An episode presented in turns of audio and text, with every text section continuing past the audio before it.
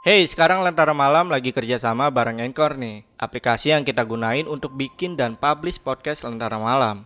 Di sini gue mau kasih tahu bikin podcast gampang banget dan 100% gratis. Semua yang kita butuhin buat bikin podcast tersedia lengkap di Anchor, termasuk distribusi ke Spotify dan platform podcast lainnya. Yuk, download aplikasi Anchor sekarang dan bikin podcast kalian segera. Halo semuanya, kembali lagi di Lentera Malam bareng gue Jamal. Dan di segmen Saksi Misteri kali ini gue udah kedatangan narasumber yang akan cerita tentang pengalaman horornya. Dan narasumber gue kali ini akan menceritakan tentang pengalamannya pada saat tidur di kamar kos yang ternyata di kamar kos tersebut pernah ada kejadian bunuh diri seorang wanita yang sedang hamil. Kita langsung sapa aja narasumbernya. Di sini udah ada Angel, apa kabar Jel? Oke, Jel, ini lu kan sempet uh, mau ngekos tapi nggak jadi ya. Ini kejadian tahun berapa, Jel? tahun 2016-2017an. Jadi waktu itu aku kan dapat kerjaan nyari kosan. Sebelumnya tinggal di rumah nenek aku, cuman lumayan agak jauh ya dari kerjaan. Jadi aku nyari kos.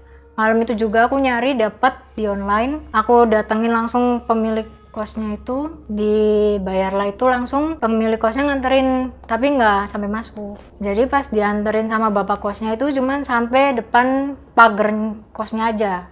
Dijelasin kalau kamarnya di nomor 2 oke cuman aku nggak ngerasa angker apa gimana ya soalnya kayak rumah biasa sih kayak rumah kontrakan cuman ada kamarnya banyak gitu. Itu lu juga belum ini ya, belum tahu kalau ada rumor tentang wanita. belum tahu Taunya itu kan pas aku ngekos di situ tapi belum tidur juga di situ Jadi Angel ini belum sempet tinggal di situ dia udah merasa eh, Udah dapet ketakutan gangguan. ya. Udah dapat gangguan Angel ya. Wah, lu luar biasa. Jadi buat teman-teman yang penasaran tonton videonya sampai habis dan sebelum itu gua mau ngasih tahu ke kalian kalau kalian mau jadi narasumber seperti Angel kalian bisa cukup aja DM ke Instagramnya Lentera Malam untuk linknya gue taruh di deskripsi kalian DM dan kalian kirim voice note. Nanti ada admin kita yang kurasi cerita kalian. Yaudah buat kalian yang penasaran sama cerita lengkap dari Angel tonton videonya sampai habis dan tanpa basa-basi lagi saksi misteri kita mulai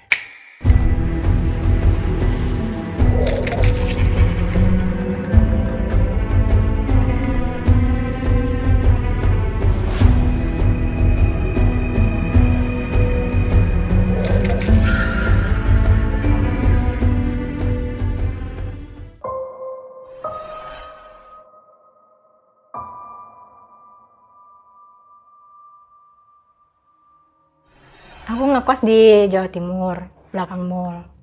Itu karena aku dapat kerjaan deket situ. Nggak mungkin kalau tinggal sama nenek aku juga. Karena aku siang dapat kerjaan, sore aku langsung nyari kos. Dapat di online, harganya sekitar 300-an. Tapi nggak dibilangin sama bapaknya kalau kasurnya itu tingkat. Tingkat. Jadi satu kamar itu isinya empat orang, Kak.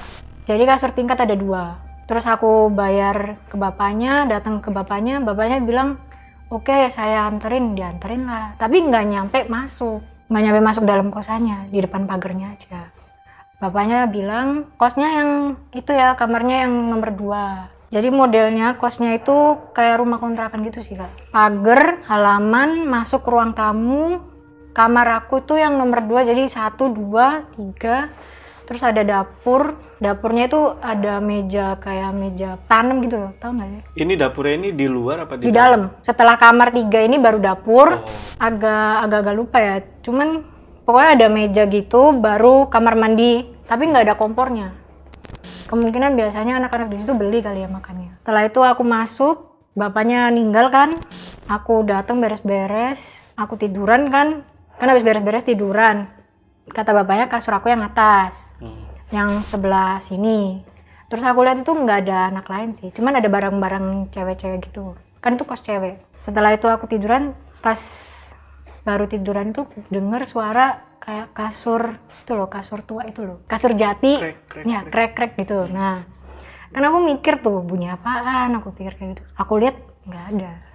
Aku lihat kasur sana juga nggak ada orang kan. Udah aku mikir paling cuman suara-suara dari luar aku mikir kayak gitu setelah itu aku mikir mau makan kan udah malam beli makan lah aku keluar nyari makan deket-deket kos dapet makan terus ketemu sama ibu-ibu ditanyain baru ya mbak tinggal di sini kok baru kelihatan?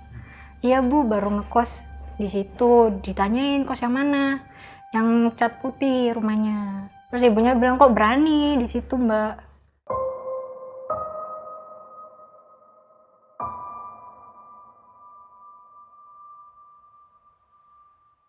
aku pulang tuh dapat habis beli makan. Setelah itu makan di kos.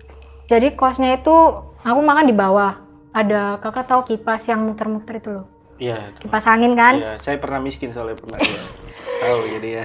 ya jadi kipasnya itu kayak gitu. Tapi pas aku dateng lagi mau makan itu kipasnya itu diem. Kan kalau muter kan dicetek dulu ya. Itu aku makan terus kan cuci tangan. Ke belakang itu aku kamar mandi cuci tangan ada yang kayak ngeliatin dari belakang kayak ngerasa ada orang aku ngira mungkin ada anak baru kali dateng pulang kerja tapi pas aku nolak gak ada siapa-siapa setelah itu aku balik cuci tangan ke kamar kipasnya itu udah gerak sendiri Ada kayak ada yang nyalain gitu. Iya, kayak ada yang nyetek belakangnya itu loh. Iya, iya. Tapi nggak mungkin kan ada yang nyetek karena nggak ada orang di situ. Ini teman sekamar ini belum pada datang. Belum pada pulang. Aku datang itu sekitar jam 7 apa jam 8 saya ingatku sih. Mungkin karena masih kerja kan. Jadi aku udah kayak bingung ya, ini siapa yang nyalain kan. Jadi panik, aku ngambil HP, aku ceritain lah sama temanku kantor, teman kantor. Aku chat, aku ceritain, katanya dia kan bisa kayak tahu gitu kan, orangnya kayak ngerti hal-hal halus gitu. Terus dia bilang, kayaknya emang iya ada penunggunya, dia bilang kayak gitu. Setelah itu aku tanya, emang penunggunya kayak apa? Dia bilang cewek. Terus dia bilang kalau mau taburin aja garam, tapi kamu kayak baca doa dulu, dia bilang kayak gitu. Tapi kan aku orangnya parnoan, jadi aku mikir nggak usah deh, mending aku tinggal aja. Kalaupun emang uangnya nggak bisa dibalikin ya udah.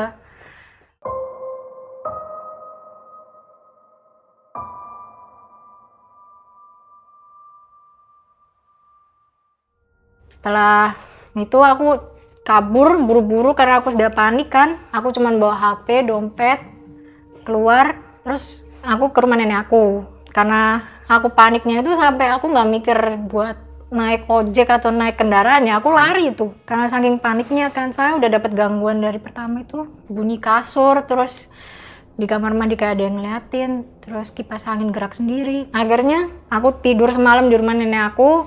Besoknya aku ke rumah bapaknya ini. Bapak kos. iya bapak kos. Kayaknya itu bukan pemiliknya ya kayaknya penjaganya. Kan? Yang dititipin sama orang yang punya. Terus aku bilang, Pak, saya ceritain yang kemarin-kemarin, apa yang kemarin itu. Kata bapaknya, iya mungkin kenalan itu udah biasa sih, katanya gitu. Ya kenalan, tapi kan setiap anak beda-beda ya. Iya. Nggak semua bisa kayak gitu kan, nggak nggak kuat juga. Akhirnya bapaknya bilang, ya udah, nih saya balikin aja. Gimana? Ya udah pak, balikin aja. Aku bilang gitu. Akhirnya dibalikin, tapi aku heran kenapa kok dibalikin uangnya. Biasanya kan ada orang yang oh nggak bisa nggak bisa dibalikin. Kan gitu kan. Setelah dibalikin, aku sama temenku Hmm. ke kos ngambil barang. Kan barangnya aku tinggal. Setelah itu aku pamit dulu sama bapaknya pak saya ke kos ya ngambil barang-barang saya. Terus kayak bapak iya nggak apa-apa ngambil aja. Di situ ada anak kok biasanya kalau siang. Itu kan aku siang-siang. Terus aku bingung bapaknya kok nggak nganterin. Akhirnya aku ke sana sama teman aku doang ngambil barang ketemu sama anak kos namanya Rara si Rara ini kan nyeritain semua lah sama aku. Karena aku tanya-tanyain kan kenapa kok horor gini-gini. Dia ceritain dia punya temen satu kamar juga namanya Ani. Si Ani ini kerjanya di bar atau karaoke gitu katanya. Hmm. dia kan otomatis berangkatnya malam ya. Malam atau sorean. Tapi malam ini si Rara ini ngelihat temennya si Ani ini ada di kasur pas si Rara lagi pulang kerja. Pulang kerja terus ditanyain loh ini kamu udah pulang apa belum berangkat? ditanya gitu kan. Pas ditanyain gitu diem aja. Ngadepnya ke- tembok gitu loh. Tiduran ngadep tembok. Eh, berbalik gitu ya. ya. terus dilihat kan kayaknya melek deh. Tapi kok nggak jawab? Mungkin ada masalah sama temennya. Atau sama keluarganya atau sama pacarnya kan gak ada yang tahu. Dibiarin lah itu. Setelah itu kan dia udah nggak mikir aneh-aneh. Dia tinggal tuh ke kamar mandi dia kan baru pulang kerja. Beres-beres mandi dia balik lagi ke kamar si Ani ini udah nggak ada. Dia bingung kenapa kok nggak ada dia hubungilah si Ani ini. Dia tanya ini kamu ke mana? Tadi udah pulang perasaan kok pergi lagi? Dia tanya kayak gitu kan. Katanya enggak aku baru berangkat kerja kok. Baru aja dia bilang kayak gitu. Terus tadi siapa? Dia bingung kan. Hey, sekarang Lentera Malam lagi kerjasama bareng Anchor nih, aplikasi yang kita gunain untuk bikin dan publish podcast Lentera Malam. Di sini gue mau kasih tahu bikin podcast gampang banget dan 100% gratis. Semua yang kita butuhin buat bikin podcast tersedia lengkap di Anchor, termasuk distribusi ke Spotify dan platform podcast lainnya. Yuk, download aplikasi Anchor sekarang dan bikin podcast kalian segera.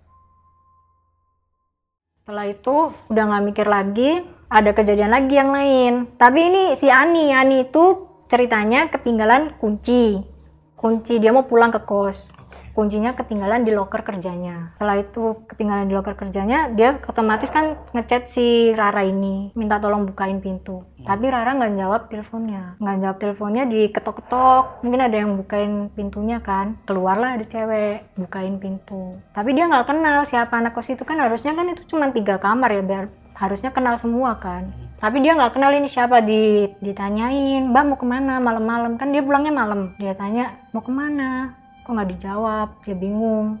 Terus dia bilang makasih ya mbak udah dibukain pintunya. Dia kan udah dibukain tuh pintunya. Tapi si cewek itu nyelonong aja. Pas ditanyain nggak jawab. Dia tinggal masuk dia langsung buru-buru bangunin si Rara ini. Dia tanya Rara, Rara kamu kok di telepon nggak bisa? Dia tanya gitu kan. Ternyata Rara ini emang nggak denger teleponnya digeterin.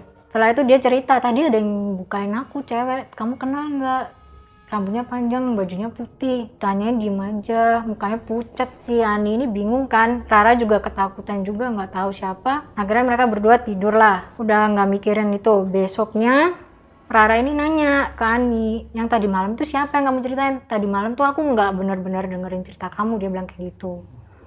Ada anak cewek putih, bajunya rambutnya panjang bukan aku pintu kamu aku telepon nggak bisa katanya gitu. Itu mah udah sering aku udah pernah lihat di kamar mandi dia bilang kayak gitu. Emang kamu pernah lihat di kamar mandi emang dia ngapain itu dia di deket pintu dia berdiri kayak ngebelakangin gitu. Diem aja gitu. iya kayak ngeliatin orang. Terus katanya juga dia pernah lihat cewek duduk di dapur di kayak meja bisa didudukin lah. Ada cewek diduduk duduk di situ ditanyain tapi nggak jawab.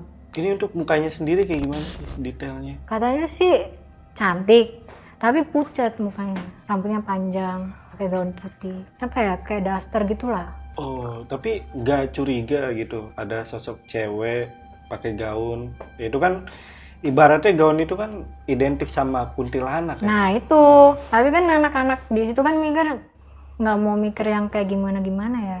Dia mikirnya itu manusia mungkin, jadi tanyain, ditanyain mbak kok di sini sendirian duduk di dapur. Hmm. Mungkin ada masalah kali ya sama teman keluarga atau siapa nggak tahu. Tapi ditanya itu nggak jawab. Katanya itu sering ada yang ngetok-ngetok pintu kamar kalau malam. Katanya si Ani sama Rara ini. Dia kan cerita ke aku si Rara. Ada yang sering ketok-ketok dibukain gak ada orang. Terus kalau mereka lagi tiduran pintunya kebuka dikit sering ada yang lewat. Terus pada akhirnya Mbak Angel gimana tuh? kalau aku kan nggak ke situ lagi. Udah nggak ke situ lagi. udah nggak. Cuman terakhir yang ngambil barang itu doang. Tapi diceritain juga gak kenapa kosan itu angker gitu? Latar belakang di diceritain. kosan- apa tuh kenapa? jadi ternyata pas aku beli nasi itu kan ketemu sama ibu-ibu Iya. ibu-ibunya jelasin emang di situ tuh angker kok kamu berani nah dia jelasin juga kalau itu emang kos-kosannya bekas orang bunuh diri bunuh dirinya di kasur itu cuman nggak ada yang tahu jelas karena yang nemuin satu anak kos terus langsung dilaporkan ke polisi Untuk ceritanya kayak gimana tuh? jadi katanya itu yang bunuh diri itu katanya hamil si cowoknya ini nggak tanggung jawab dia mau pulang ke rumah nggak nggak diterima sama orang tuanya jadi mungkin karena itu dia bunuh diri sih Ini bunuh dirinya dia minum racun kah atau gantung diri? Kalau si Rara ini dapat ceritanya, katanya dia bunuh diri di kasur. Kasurnya ini kasur tingkat yang kasur lama itu loh, kasur kayu Iya. yang ada tangganya. Jadi dia bunuh dirinya itu di pembatasnya itu. Oh berarti si wanita ini ada di yang Pembatas. kasur atas ya? Iya, kasur atas di pembatasnya itu. Hmm. Kan ada kayak kayu itu dililitin katanya. Ditaruh di lehernya. Ah, iya iya iya. Itu di kamar nomor berapa diri? Kayaknya kamar nomor 2 itu yang aku tempatin itu. Oh gitu. Bunuh dirinya itu ya di kamar itu di kasur itu. Di kasur itu. Iya, makanya pas aku datang kan kayak ada bunyi yang krek krek gitu. Jadi kasurnya nggak diganti gitu? Kayaknya sih.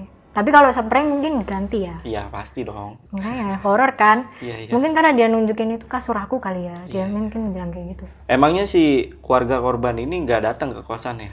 Enggak, karena waktu ketahuan sama polisi, jenazahnya itu langsung dibawa ke rumah sakit, diotopsi, ternyata yang bunuh diri cewek ini lagi hamil. Oke oke. Jadi ketahuannya pas di otopsi ya? Iya, jadi beritanya nyebar ke mana-mana. Jadi itu alasan aku juga buat pindah dari kos itu sih. Jadi ibu nasinya ini warga situ juga? Iya, de- depan kosnya. Depan kosnya ya? Ceritanya masih banyak sih, kalau dari tetangga juga ada. Apa tuh gimana tuh cerita? Kalau tetangga itu tukang bakso. Tukang bakso sering lewat situ, ada yang manggil cewek. Mau beli, dijualin, dibungkusin. Dibungkusin tapi dia bilang mau ngambil uang dulu ke dalam. Ditungguin ngambil uang nggak keluar-keluar kan. Ada lagi cewek lain keluar. Nanyain, bapaknya nungguin. Nungguin siapa pak? Apalagi emang nungguin pembeli. Mm-mm. Enggak, saya nungguin cewek tadi ada beli, minta dibungkusin, ya saya bungkusin. Tapi dia bilang ngambil uang dulu ke dalam. Sampai sekarang belum balik, sekitar udah setengah jam katanya. Terus si cewek ini bilang, nggak ada orang pak di dalam. Bapaknya mau lihat, nggak apa-apa lihat aja. Soalnya di depan pintu tuh nggak ada sandal, nggak ada sandal-sandalnya. Biasa kan ada sandal di luar. Terus ada motor juga. Motor itu cuma satu, itu motornya anak cewek ini yang nanya ke tukang bakso ini. Oh berarti pada saat itu lagi sepi? Mm-mm, karena itu malam.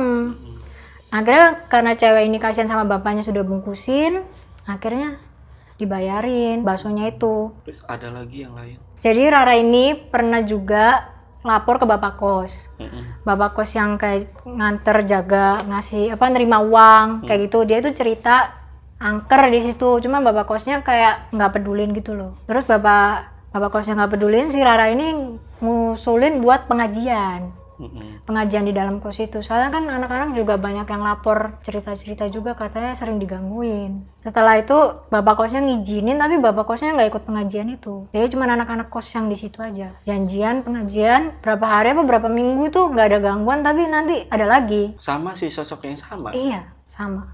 Nah walaupun ini udah lama kejadian bunuh dirinya ya Mm-hmm. Untuk barang-barang si ceweknya ini masih ada gak? Katanya masih ada nggak diambil keluarganya terus diberesin sama bapak kosnya. Gitu Iya.